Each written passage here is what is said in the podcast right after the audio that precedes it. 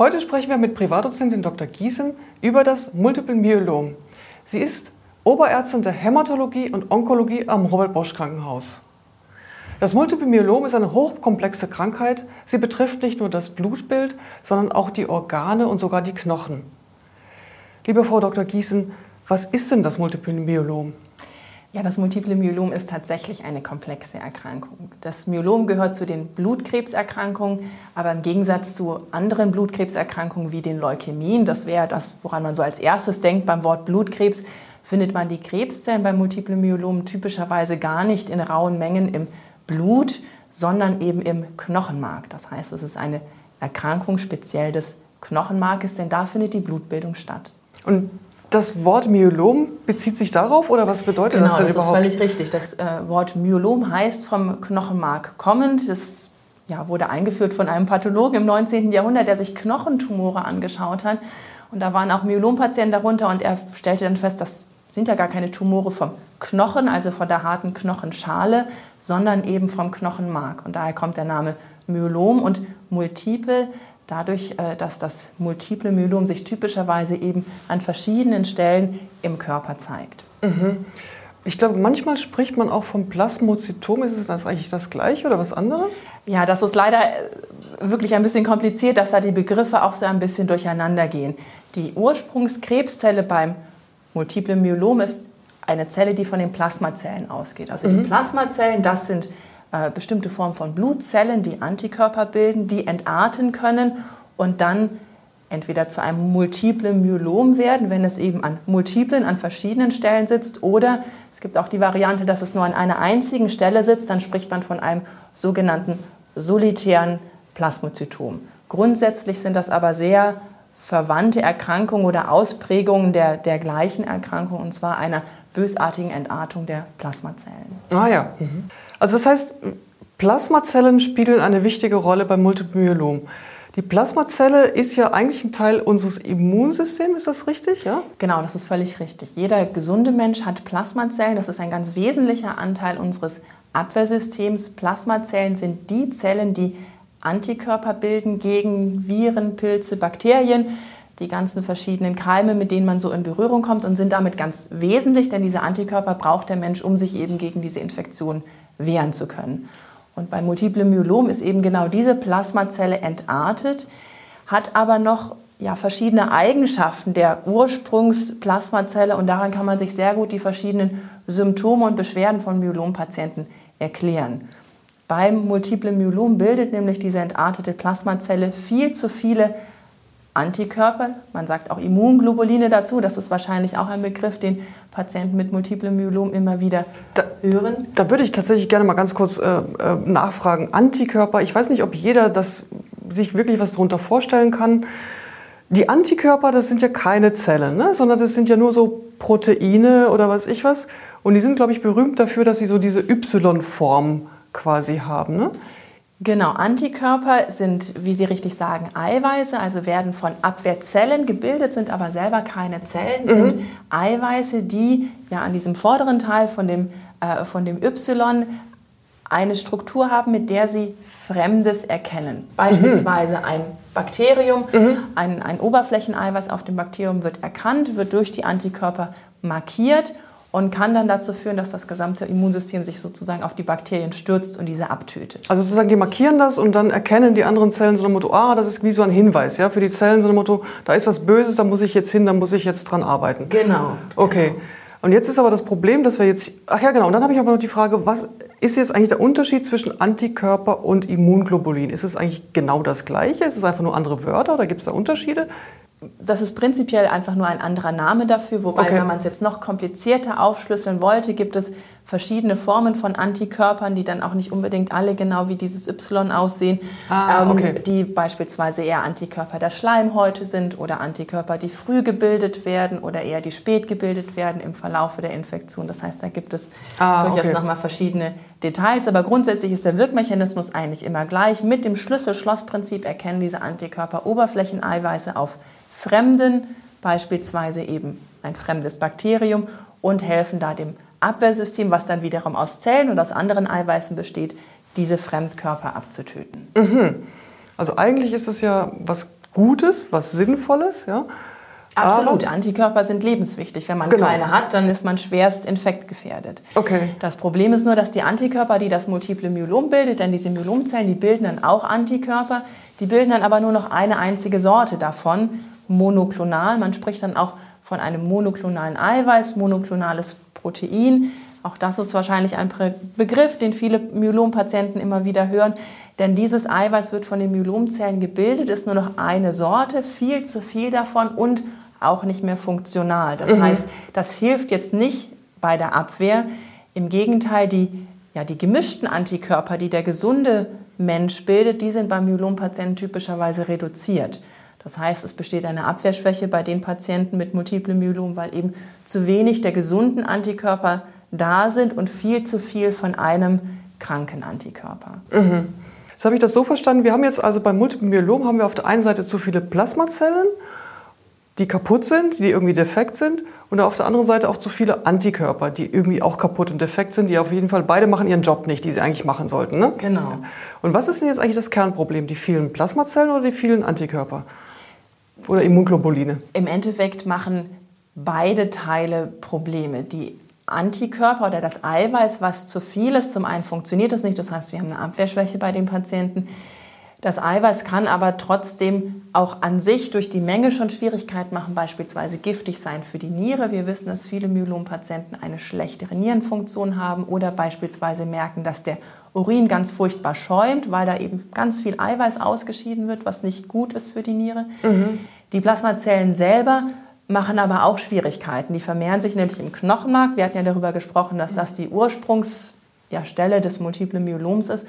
Und im Knochenmark, da soll eigentlich Platz sein für die gesunde Blutbildung. Mhm. Und dieser Platz wird dann weggenommen, weil da eben alles voller Myelomzellen ist. Das heißt, viele Myelompatienten haben eine Blutarmut, weil die gesunde Blutbildung in dem, in dem Maße nicht mehr funktioniert. Und mhm. dadurch, dass sich diese Plasmazellen im Knochen vermehren, können sie auch den Knochen selber angreifen den Knochen sozusagen andauen und das führt dann zu Knochenlöchern. Man spricht dann von Osteolysen, das heißt übersetzt aber auch nur Loch im Knochen. Mhm. Das kann natürlich sehr schmerzhaft sein, das kann auch zu Knochenbrüchen führen und wir wissen ja alle, der Knochen besteht aus Kalk. Wenn man zu viel Kalk andaut, dann wird zu viel Kalzium freigesetzt. Das heißt, Patienten mit multiplem Myelom können eine sogenannte Hyperkalzämie haben, also zu viel Kalzium im Blut, was dann auch wieder zu Beschwerden führen kann, beispielsweise zu einer Verschlechterung der Nierenfunktion. Oh, und damit okay. haben wir schon die wichtigsten Symptome von multiplem Myelom zusammen, nämlich die Blutarmut, die es auslösen kann, mhm.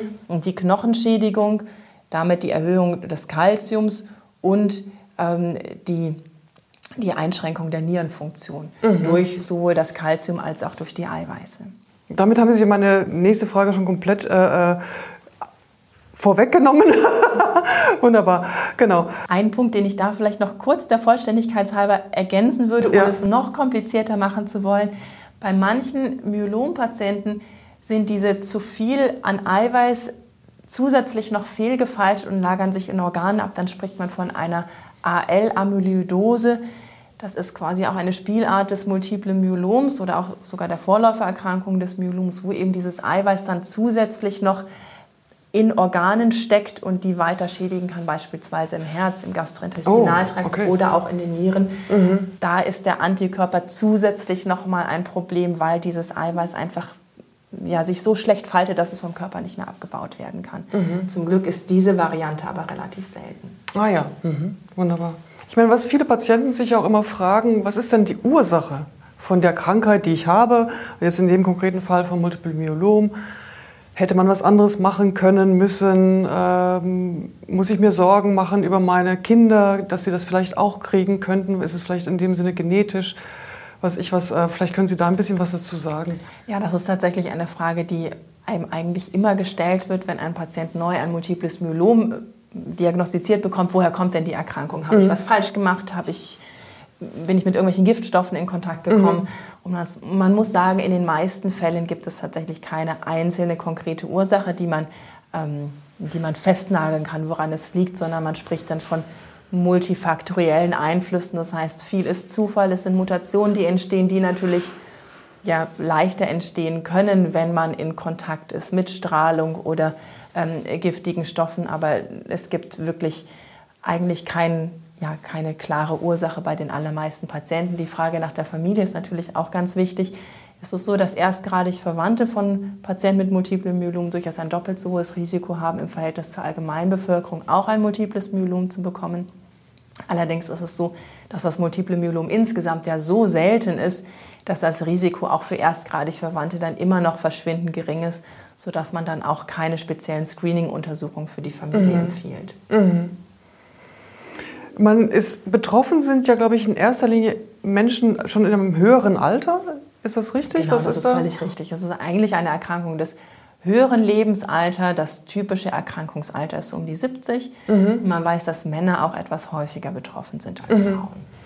Und kann man dann davon ausgehen, dass das, ähm, wenn man mit 70 dann sozusagen die Diagnose bekommt, dass die Krankheit schon länger da ist, also dass sie lange braucht, sich zu entwickeln, oder ist es etwas, was dann ganz plötzlich entsteht? Nein, das ist äh, das Erstere ist auf jeden Fall richtig. Man weiß, dass die Multiple Myelom eigentlich immer eine sogenannte monoklonale Gammopathie unklarer Signifikanz oh je, das sind aber viele komplizierte M Wörter. MGUS äh, hervorgeht. Das heißt, man hat schon wirklich auch oft Jahrzehnte, also nicht nur wenige Jahre, sondern es können auch 10, 20 Jahre schon sein, ähm, in der Vorgeschichte eine entartete Plasmazelle oder mehrere entartete Plasmazellen, die ein sogenanntes monoklonales Eiweiß bilden, typischerweise aber eben noch nicht so viel. Also monoklonal heißt ja so viel, alle haben alle den gleichen Ursprung. Genau, ne? also Ei, gleicher Ursprung der Zelle und bilden die gleiche Sorte vom Eiweiß. Mhm. Die gesunden, wir hatten ja über die Antikörper gesprochen, die gesunden Antikörper sind polyklonal, polyphil, also gegen, gegen viele verschiedene Bakterien, Viren und so weiter. Mhm. Monoklonal, Mono 1, nur noch eine einzige Sorte, die da mhm. gebildet wird. Denn es ist auch eine klonale Zelle. Ähm, also das heißt, Klon, ne, alle, wie man das so kennt. Wie ne, ein so. Klon, ja, genau. genau. Mhm. Das heißt, alle Myelomzellen stammen dann von dieser einen Ursprungszelle ab. Mhm. Und auch in diesen Vorstufenerkrankungen, diesem MGUS, da hat man eben schon diese klonalen Plasmazellen, die monoklonales Eiweiß bilden, aber es wird eben noch kein Schaden gesetzt im Körper. Zum einen ist das Eiweiß typischerweise relativ wenig und wir haben die ganzen Probleme, über die wir vorher gesprochen haben, die Knochenlöcher, die Blutbildschädigung, die Nierenschädigung, die liegen noch nicht vor. Und erst mhm. wenn diese Zelle weiter voranschreitet, sich weiter entartet, aggressiver wird, dann kann daraus ein multiples Myelom entstehen. Und das ist auch ganz wichtig. Nicht aus jedem MGUS entwickelt sich ein multiples Myelom. Okay. Über den Daumen gepeilt ist das Entartungsrisiko, wenn man ein solches MGUS hat, eine monoklonale Gammopathie unklarer Signifikanz, etwa 1% pro Jahr. Das heißt, wenn man mit 70 Jahren ein MGUS diagnostiziert bekommt, ist es sehr wahrscheinlich, dass Zeit seines Lebens dann nie etwa eine Krebserkrankung daraus wird. Mhm. Aber das Risiko besteht eben so, dass man auch Patienten mit MGUS, also mit dieser Vorläufererkrankung, wenn man das denn feststellt, empfiehlt, regelmäßig zum Hämato-Onkologen zu gehen, um eben zu schauen, haben wir Hinweise, dass sich daraus etwas entwickelt. Mhm. Aber auch um das nochmal abzuschließen, weil das ist auch eine Frage, die ganz häufig kommt, wenn jetzt eine Diagnose kommt, die bezieht sich nicht auf irgendetwas, was vor kurzem passiert ist, also ein besonderer Stressmoment, ein besonderer Trauerfall, Nein.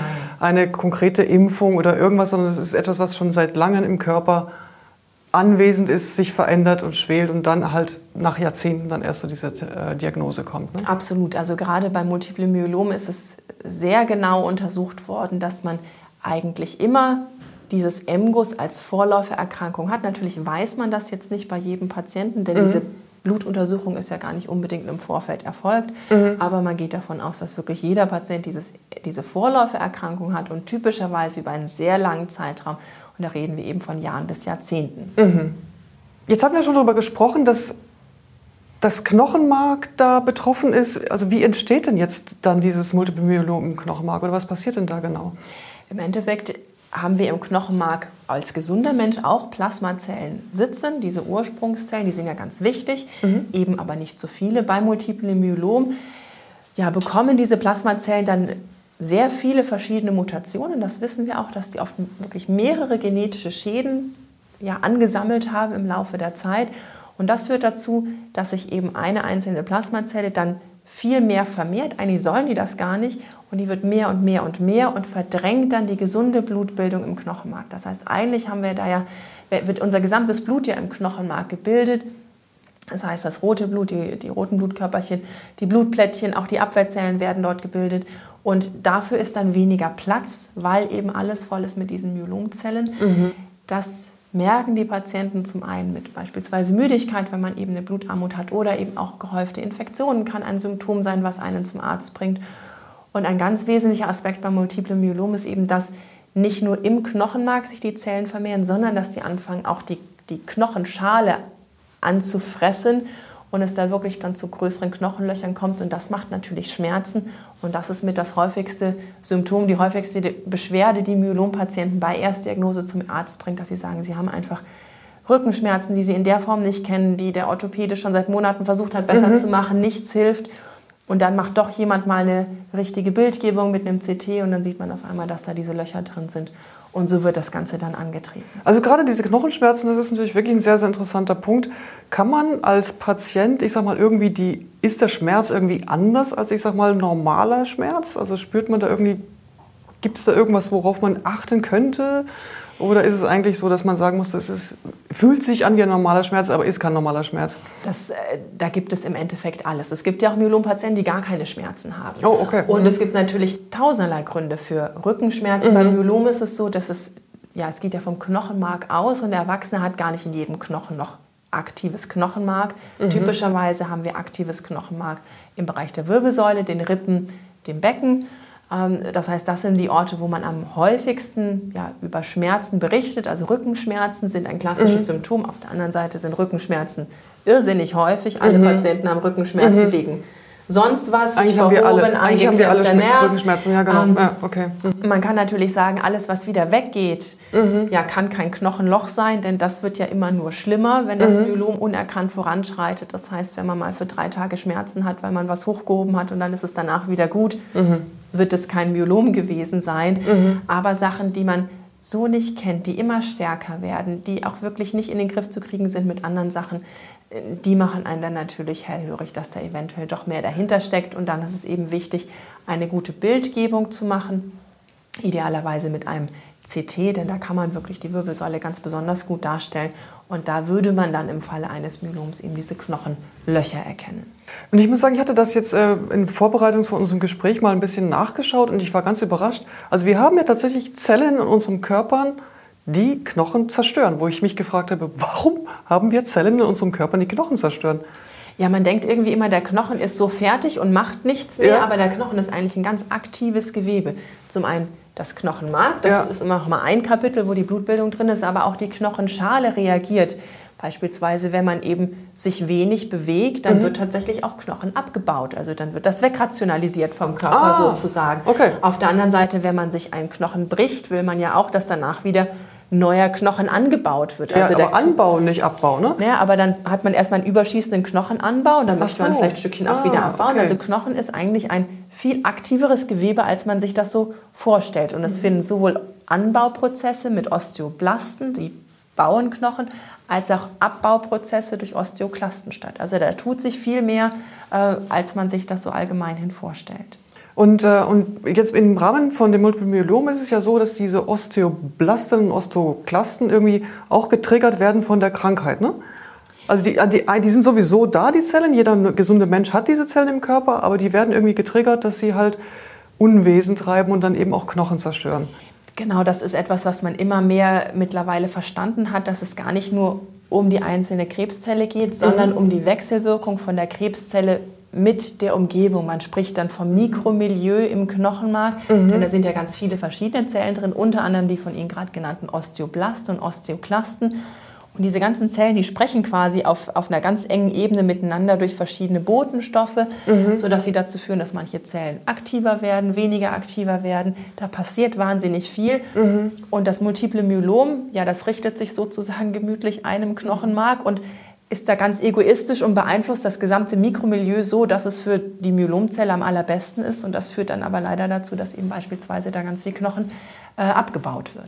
Aber der Knochen wird ja auch ganz woanders abgebaut, ne? Also jetzt nicht nur im, äh, nicht nur, äh, im Knochenmark, sondern dann so, was ich was, auch in der Schulter oder im Schädel oder was ich was. Da gibt es doch unterschiedliche Orte, wo, wo der abgebaut ja, wird. Ja, aber ne? auch immer ausgehend vom Knochenmark. Also die so. Zellen sitzen ja Ah, quasi, okay. also wir haben der Knochen ist ja aufgebaut, dass wir, dass wir die Knochenschale haben. Also wenn Sie jetzt gerade vom Schädelknochen sprechen, haben Ja. wir oben und unten die Knochenschale, die ist hart. Also wenn man sich auf den Kopf haut, das ist die harte Knochenschale. Und dazwischen, das sieht aus wie einen, ja, einen Spülschwamm, den man aufgeschnitten hat. Das sind so lauter Waben aus ganz feinen Knochenbälkchen und da drin sitzen die ganzen aktiven Zellen. Das heißt, Sie hatten die Schädelknochen angesprochen, Multiples Myelom, ähm, führt typischerweise auch zu Löchern in, in der Schädelkalotte, also im, im ja, äh, Kopfschädel sozusagen. Das liegt aber daran, dass da eben typischerweise auch Knochenmark sitzt in, den, in dem Schädelknochen. Und davon ausgehend kann dann da eben der Knochen angefressen werden. Eine Frage, die natürlich wirklich die Patienten unheimlich bewegt, ist, ist denn das Multiple Myelom heilbar? Ja, das ist tatsächlich ja, die alles entscheidende Frage. Das kommt auch in jedem Patientengespräch bei Erstdiagnose. Leider muss man sagen, mit den aktuellen Mitteln, die uns zur Verfügung stehen, ist das Multiple Myelom nicht heilbar im Regelfall. Allerdings können wir das Multiple Myelom sehr gut behandeln. Und was wir bei eigentlich fast allen Patienten erreichen können, ist, dass wir das Multiple Myelom durch eine ja, intensive Ersttherapie in eine Art Schlummerzustand bringen, sodass es im Regelfall über viele Jahre dann auch Ruhe gibt, die Patienten ganz normal in ihren Beruf, in ihren Alltag zurückgehen. Nur rechnen wir eben damit, dass es dann doch irgendwann wiederkommt und dann muss man es eben nochmal behandeln. Und das wiederholt sich dann so, dass Myelompatienten oft tatsächlich viele Therapielinien ähm, nacheinander bekommen, um das Multiple Myelom eben immer wieder zu unterdrücken.